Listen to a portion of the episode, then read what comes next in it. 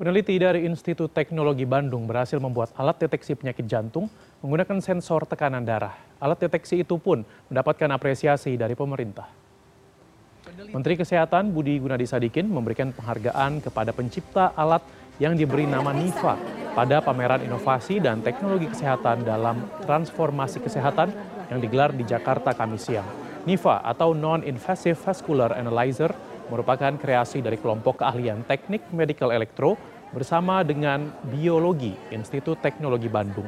Setelah menjalani penelitian selama 11 tahun, NIFA berhasil menawarkan solusi preventif untuk mendeteksi penyakit jantung. Selain dapat mengukur fungsi vaskuler yang mengantar darah ke seluruh tubuh tanpa menggunakan jarum atau lainnya, NIFA juga mampu memberikan gambaran apakah pembuluh darah berfungsi normal atau tidak.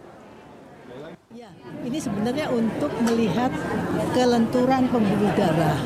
Kelenturan kenapa kok pembuluh darah itu perlu dilihat? Karena ini merupakan suatu alat yang mendeteksi adanya sesuatu kelainan di dalam pembuluh darah yang bersifat plak, di mana plak ini akan bisa juga membuat jadi stroke.